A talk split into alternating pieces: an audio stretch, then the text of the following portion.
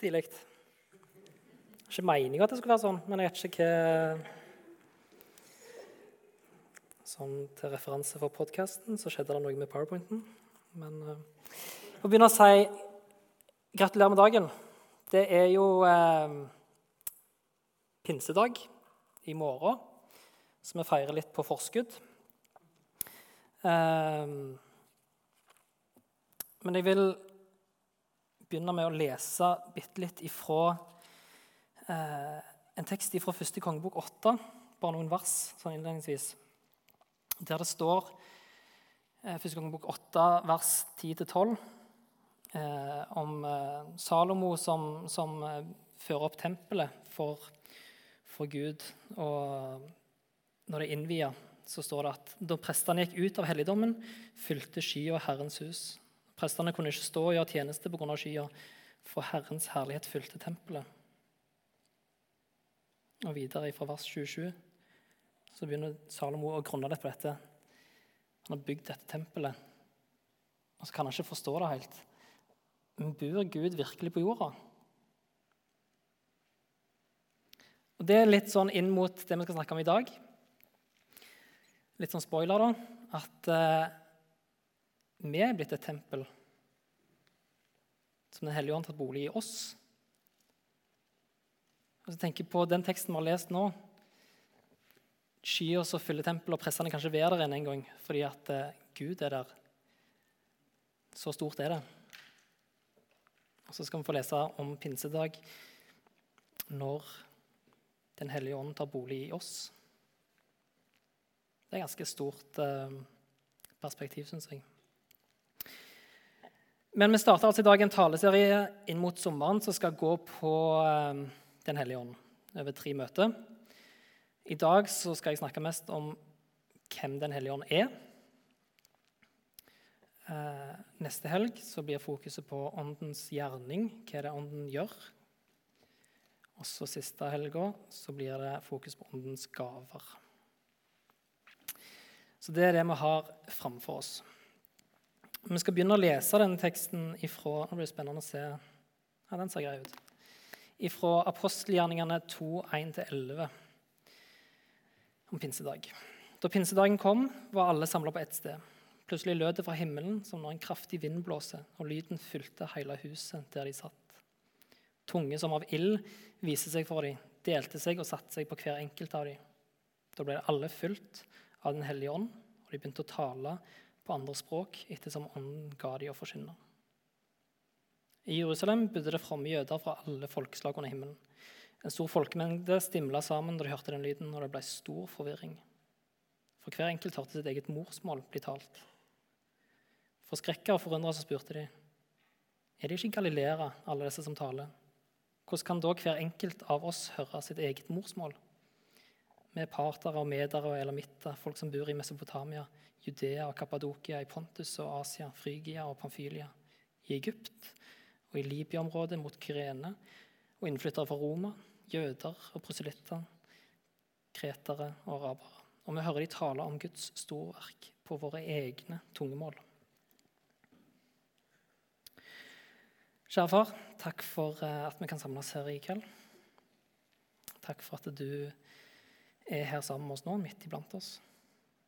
Jeg ber om at uh, du må åpenbare ordet ditt for oss og lede oss inn i en nærere kjennskap til deg og en nærere relasjon til deg. Jeg legger kvelden i dine hender. Amen. Hvem er Den hellige ånd? Først og fremst må jeg bare få sagt det at eh, av meg eller hvem som helst å skulle påstå at eh, i dag skal jeg forklare Den hellige ånd for dere, det ville vært helt bak mål. Um, så det kommer jeg ikke til å påstå. Bibelen lærer oss at vi, vi er ikke fullt ut i, i, i, stand til å forstå Gud. Det er ting om Gud som er skjult, og ting som vi aldri vil kunne vite. Men så er det òg ting som er åpenbart for oss, som er gitt til oss. Men hvis du ser for deg at du, du aldri hadde vært i ei kirke, du aldri har vært på et bedehus. Um, eller i hele tatt, du har aldri vært i et kristent fellesskap. Du har kun lest denne boka her, du har lest Det gamle testamentet, du har lest Det nye testamentet. Um, hvilke forventninger hadde du hatt etter du hadde lest dette?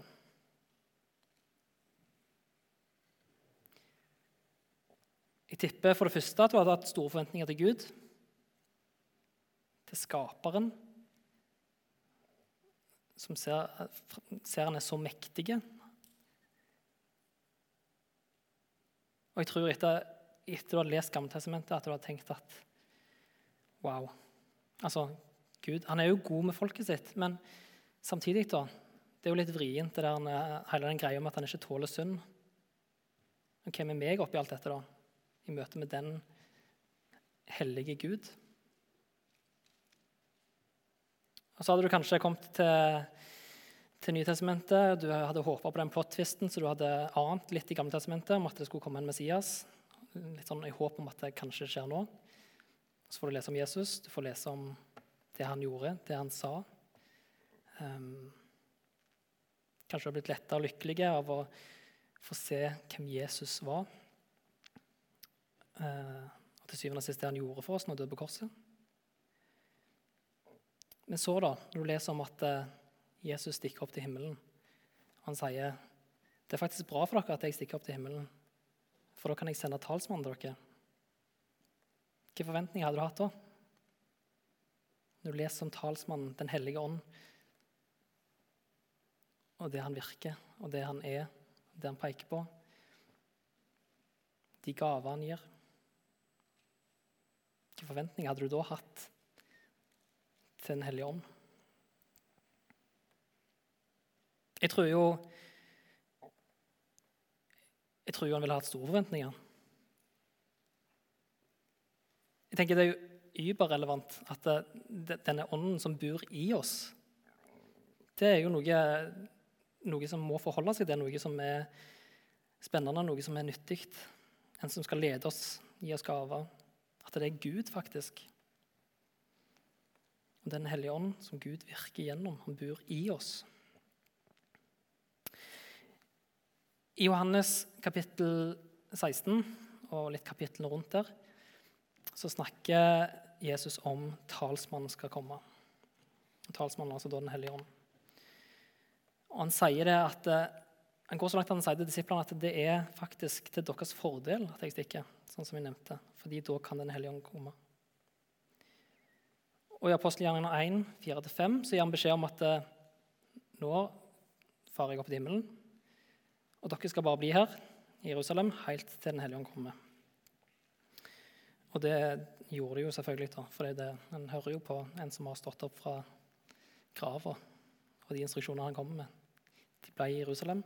og På pinsedag så fikk de Den hellige ånd. Og så er spørsmålet da, hvor, hvor er vi i dag i forhold til dette? Kanskje tenker en ikke så mye over Den hellige ånd. Kanskje tenker en at eh, trenger vi egentlig Den hellige ånd? Er ikke sikkert alle drar den så langt, men vi har kanskje i hvert fall et sånn tanke om at han er litt sånn fjern type, som er litt sånn vanskelig å forholde seg til, vanskelig å forstå seg på, vanskelig å relatere seg til hvordan han virker i våre liv. Vi har kanskje ikke så store forventninger. Og hvis vi først forventer noe, så kanskje kan det være litt villedende eller litt sånn egosentrert. Litt annerledes enn det som Bibelen snakker om de forventningene vi skal ha til Den hellige ånd. Men det står der om oss at det er ikke kjøttet som har makten over oss, det er ånden. Så sant Guds ånd bor i dere. Den som ikke har Kristi ånd, hører ikke Kristus til. Så hvis du ser for deg her i kveld da, at eh, du har Jesus i egen person sittende ved siden av deg Alle ser for seg det? Ja. Er det et fint bilde? Mm. Jesus rett på sida av deg. En som du kan ha få råd hos. En som kan veilede, en som kan, du kan snakke med om ting som du syns er vanskelig å forstå. Du kunne alltid være 100% trygg på at eh, det Jesus sa til deg, det var, liksom, det var det beste rådet du kunne få. 100 sannhet. Eh, du kunne få hjelp til å bli leder på riktig vei og osv. Det hadde vært fantastisk.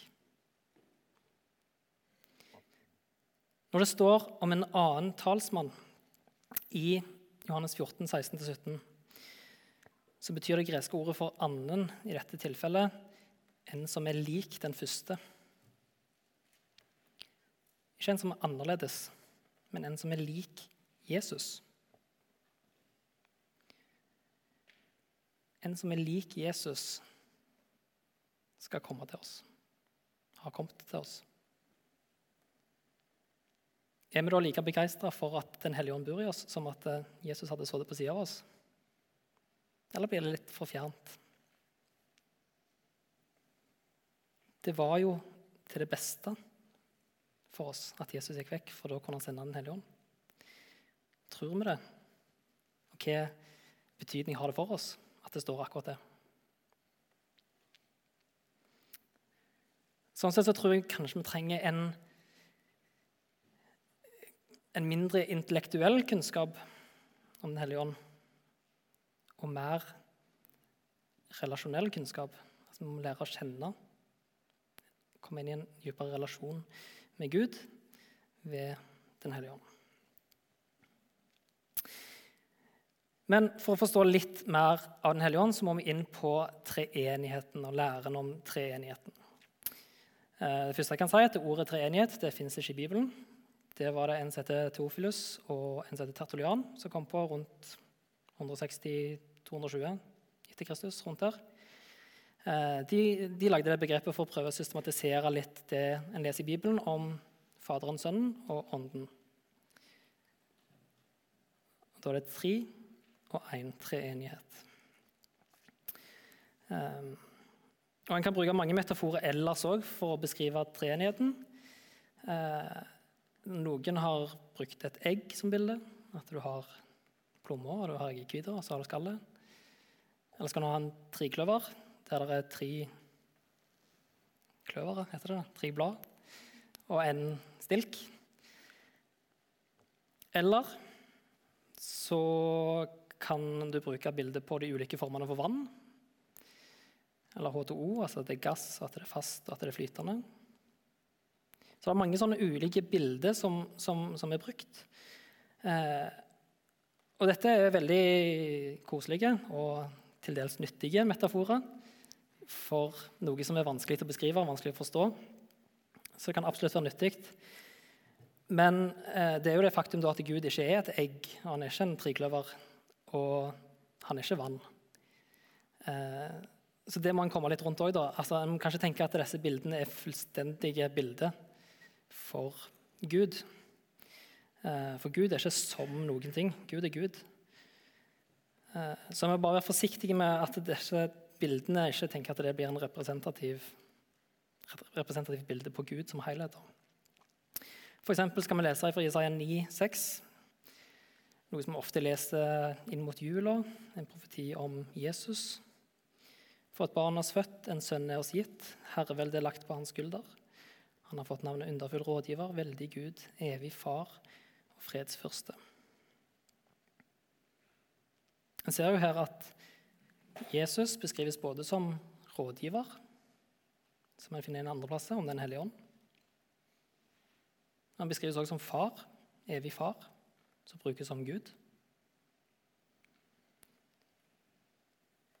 Så det er kanskje ikke alltid så lett å sortere i dette med treenigheten, fordi de, det går ikke an å skille. Det henger sammen. Um, og Likevel så vil jeg ikke si at det er galt å snakke om Faderen, Sønnen og Ånden, fordi at hovene våre fungerer sånn at uh, vi må på en måte prøve å forstå det på en eller annen måte. Men vi må være forsiktige med å oversimplifisere treenigheten oversimplifisere Gud. Faderen, Sønnen og Ånden er tre personer, men de er òg én.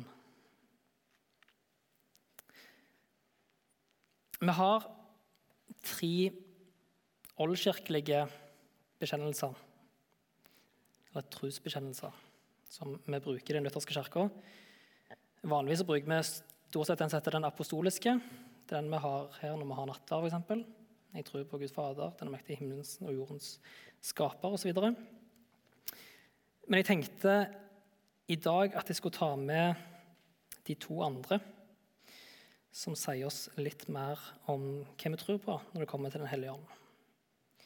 Og De er litt lange, så det ble litt sånn liten skrift. Men det til høyre er iallfall det som står om Den hellige ånd. Um, dette er den nikenske trosbekjennelse. Den tror jeg jeg bare kan lese hele på. Vi tror på én Gud, den allmektige Fader, som har skapt himmel og jord. Alt synlig og usynlig. Vi tror på én Herre, Jesus Kristus, Guds enbårne sønn, født av Faderen fra evighet.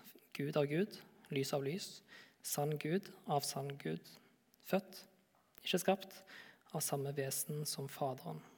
Ved ham er alt blitt skapt. For oss mennesker og til vår frelse steg han ned fra himmelen.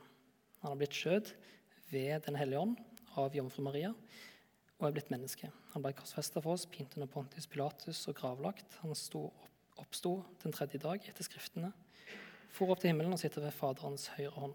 Skal komme igjen med herlighet og dømme levende og døde. Og, tror, og på Hans rike skal det ikke være ende. Og så, Vi tror på Den hellige ånd, Herre og livgiver, som utgår fra Faderen og Sønnen som med Faderen og Sønnen tilbes og forherliges, og som har talt ved profetene.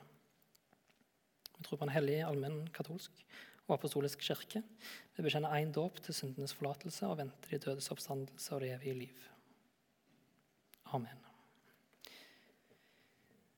Den hellige ånd, Herre og livgiver, som utgår fra Faderen og Sønnen, som med Faderen og Sønnen tilbes og forherliges, og som har talt ved profetene. Og Så kan man gå videre til den sette den atanasianske trosbekjennelsen. Den er hakket lengre og hakket mer repetativ. Men eh, vi tar med i hvert fall 60% av den. Og dette er den felles kristne tro at vi ærer én Gud i treenigheten og treenigheten i enheten. Idet vi verken blander sammen personene eller deler vesenet. For én person er Faderens, en annen Sønnens, en annen Den hellige ånds. Men Faderens og Sønnens og Den hellige ånds guddom er én. Herligheten er like stor, majesteten like evig. Sånn som Faderen er, sånn er Sønnen. Sånn òg Den hellige ånd. Uskapt er Faderen, uskapt er Sønnen. Uskapt er Den hellige ånd. Umålelig er Faderen, umålelig er Sønnen, umålelig er Den hellige ånd. Evig er Faderen, evig er Sønnen, evig er Den hellige ånd. Og Likevel er det ikke tre evige, men én evig. Liksom det ikke er tre uskapte, men heller ikke tre umålelige, men én uskapt og én umålelig. På samme måte er Faderen allmektig, Sønnen allmektig, Den hellige ånd allmektig. Og Likevel er det ikke tre allmektige, men én allmektig. Sånn er Faderen Gud, Sønnen Gud, Den hellige ånd Gud. Og Likevel er det ikke tre guder, men én Gud. Slik er Faderen Herre, Sønnen Herre, Den hellige ånd Herre. Og likevel er det ikke tre herrer, men én Herre.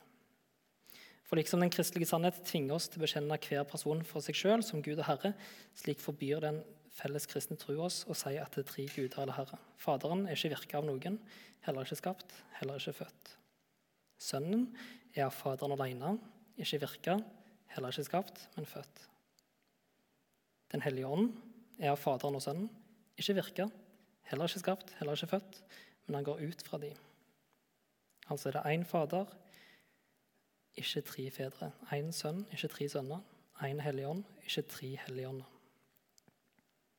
Og I denne treenighet er ikke noe tidligere eller senere, ikke noe større eller mindre, men alle tre personer er seg imellom like evige og jevnbyrdige, så at på alle måter, slik som det allerede er sagt ovenfor, både treenigheten må æres i enheten, og enheten i treenigheten.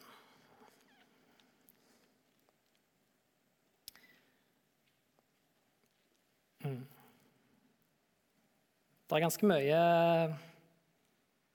beskrivelser av hvem Den hellige ånd er her, og likeså Gud og Jesus. Og jeg syns særlig den fletter litt sånn sammen det å forstå at de er tre personer, men allikevel så er det én. Det er en rimelig tydelig på. Vi så litt inn på hva vi leser i Bibelen om, om Ånden. I Det gamle testamentet, det er skrevet på hebraisk, så finner vi ordet ruach, som brukes som ånd. Det kan oversettes med vind eller pust eller ånd. Og Det samme, samme definisjonen gjelder for det greske ordet pneuma. Og Det som er litt interessant, da, er at i Det gamle testamentet, når en leser, så ser en at vind Sånn er det i dag òg, men tenker kanskje ikke så mye over det. At vind er noe som ikke kan styres av mennesket. Vind er noe, det er noe guddommelig over vind. Eh, det er et guddommelig fenomen sendt fra Gud. Det er noe som vi ikke kan styre råd rå med. Det er kun Gud som har makt til det. Og Det finner vi òg igjen i Nytestamentet. Jesus og stille stormen. Eh, vind er jo vind, sånn som vi tenker om det i dag òg. Men vinden er òg underlagt Jesu kommando. Så kan han også ofte se at vind og ånd ofte er knyttet opp mot hverandre. De forekommer ofte sammen. Eh, for det første så er begge to like upåvirkelige av mennesket, like uavhengige av mennesket. For det andre, sånn som vi leste i den teksten innledningsvis, så kommer det på pinsedag en vind som fyller huset i forbindelse med at ånden kommer. Og for det tredje, Et tredje eksempel er Philip da, som blir rykka bort av ånden som en vind. Så brukes det ulike bilder om Den hellige ånd, som ei due, som Guds arm, Guds hånd, Guds finger.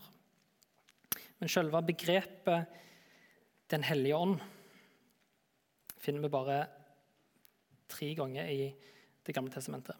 Det er ikke så veldig mye brukt der. Derimot så finner vi det igjen eh, over 100 ganger i Nytestamentet. Ca. halvparten da i Lukasevangeliet og apostelgjerningene. Men det betyr ikke at det ikke står om Den hellige ånd i Det gamle testamentet. Det bare brukes litt andre titler. De til venstre er fra Gamle testamentet. Der brukes Guds ånd, Herrens ånd eller Herren Guds ånd hovedsakelig.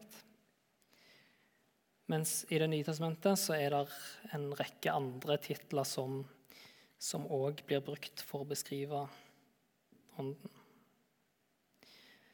Uh, mm.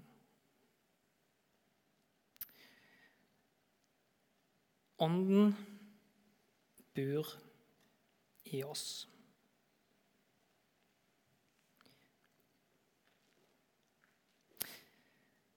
Dette legger opp til en relasjon med Ånden, egentlig. Vi leste tidligere i trosbekjennelse at Ånden er en person i Gud.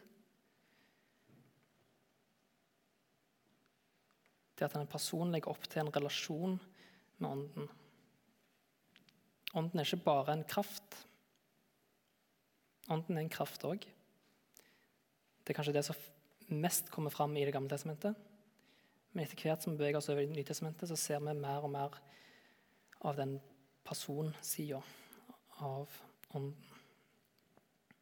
Ånden er ikke noe som en kan bruke for innimellom å oppnå noe stilig eller noe nyttig eller noe særegent. Men vi har fått en relasjon til Ånden. Til Gud, til Jesus. Ånden kan sørge, hvis vi er inne på de personlige sidene. Ånden er tålmodig, kanskje blir styrt av mennesket. Ånden leder mennesket. Ånden instruerer.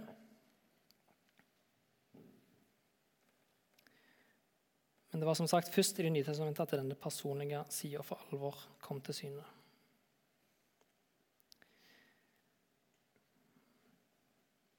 Ånden knyttes opp mot Jesus òg i Nytestamentet. Han skal peke på Jesus.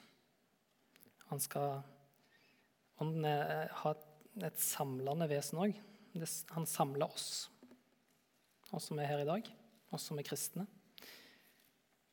Han knytter sammen lemmene i Kristus. Han gir, ånden gir del i Jesu død oppstandelse. Og forener òg lemmene med hverandre.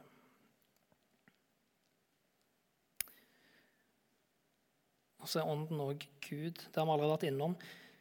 Men jeg vil ta med noen vers her fra 1. Korintene 2, 10-14. Der står det for ånden utforsker alle ting, og dybden i Gud. Hvem andre enn menneskets egen ånd vet hva som bor i et menneske?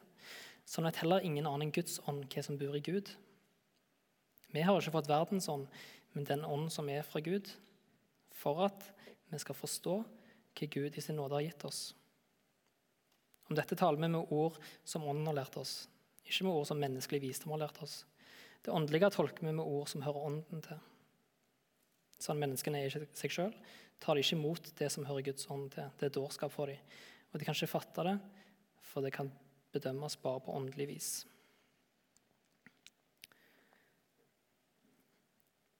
Ånden utforsker dybden i Gud. Det syns jeg er litt uh, stilig. Den ånden som bor i oss, er den eneste ånden som kan kjenne Gud fullt ut. Og Når den ånden bor i oss, så kan han hjelpe oss til å lære Gud bedre å kjenne.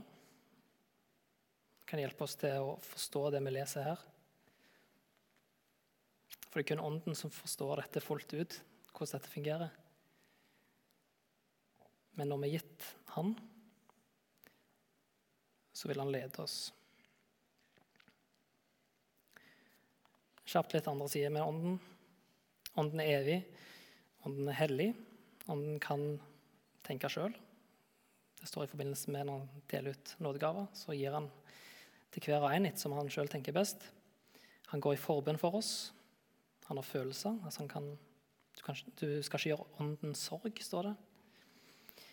Eh, ånden er allmektig. Ånden er allestedsnærværende. Og ånden er allvitende. Så tilbake til pinsedag. Jesus får opp til himmelen, som vi leste innledningsvis. Og disiplene er igjen, og de får Den hellige ånd. De har fått beskjed om at de skal bli i Jerusalem de vet at det skal skje et eller annet. De, Jesus har jo fortalt de egentlig i detalj at de skal få talsmann. og det her. Jeg vet ikke om de helt skjønte hva det innebar, men de er iallfall i Jerusalem, og de får Den hellige ånd. Og det som skjer De er ikke lenger forvirra eller handlingslamma. Det som skjer, er at de, de ble utrusta av Den hellige ånd og begynte å vitne om evangeliet ved den kraft de hadde fått ved Den hellige ånd. Det er et ganske stort øyeblikk i deres liv, tror jeg, den dagen.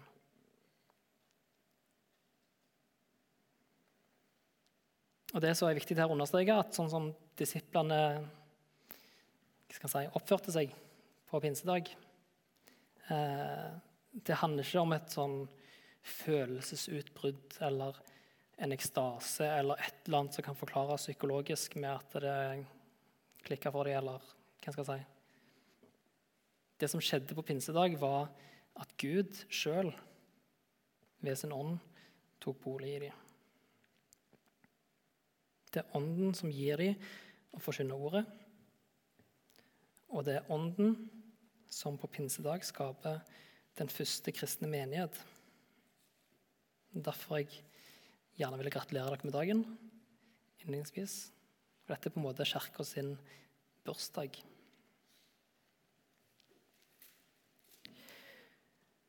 Og så er det mye mer å si om Den hellige ånd, og det er derfor vi har eh, tre møter om dette. Til å snakke videre om åndens gjerning, åndens gaver. Um, men håpet for i kveld er at vi kan sitte igjen med et litt tydeligere bilde av hvem Den hellige ånd er. Altså at vi har fått litt mer kunnskap. Men først og fremst sånn som jeg nevnte innledningsvis, så håper jeg at det, det ikke bare blir kunnskap, men at vi kan se til Den hellige ånd for en relasjon. At vi vil, på samme måte som vi ofte snakker om at vi vil lære Gud bedre å kjenne, at vi kan tenke at vi vil lære Den hellige ånd bedre å kjenne. For Den hellige ånd, Gud, det er én.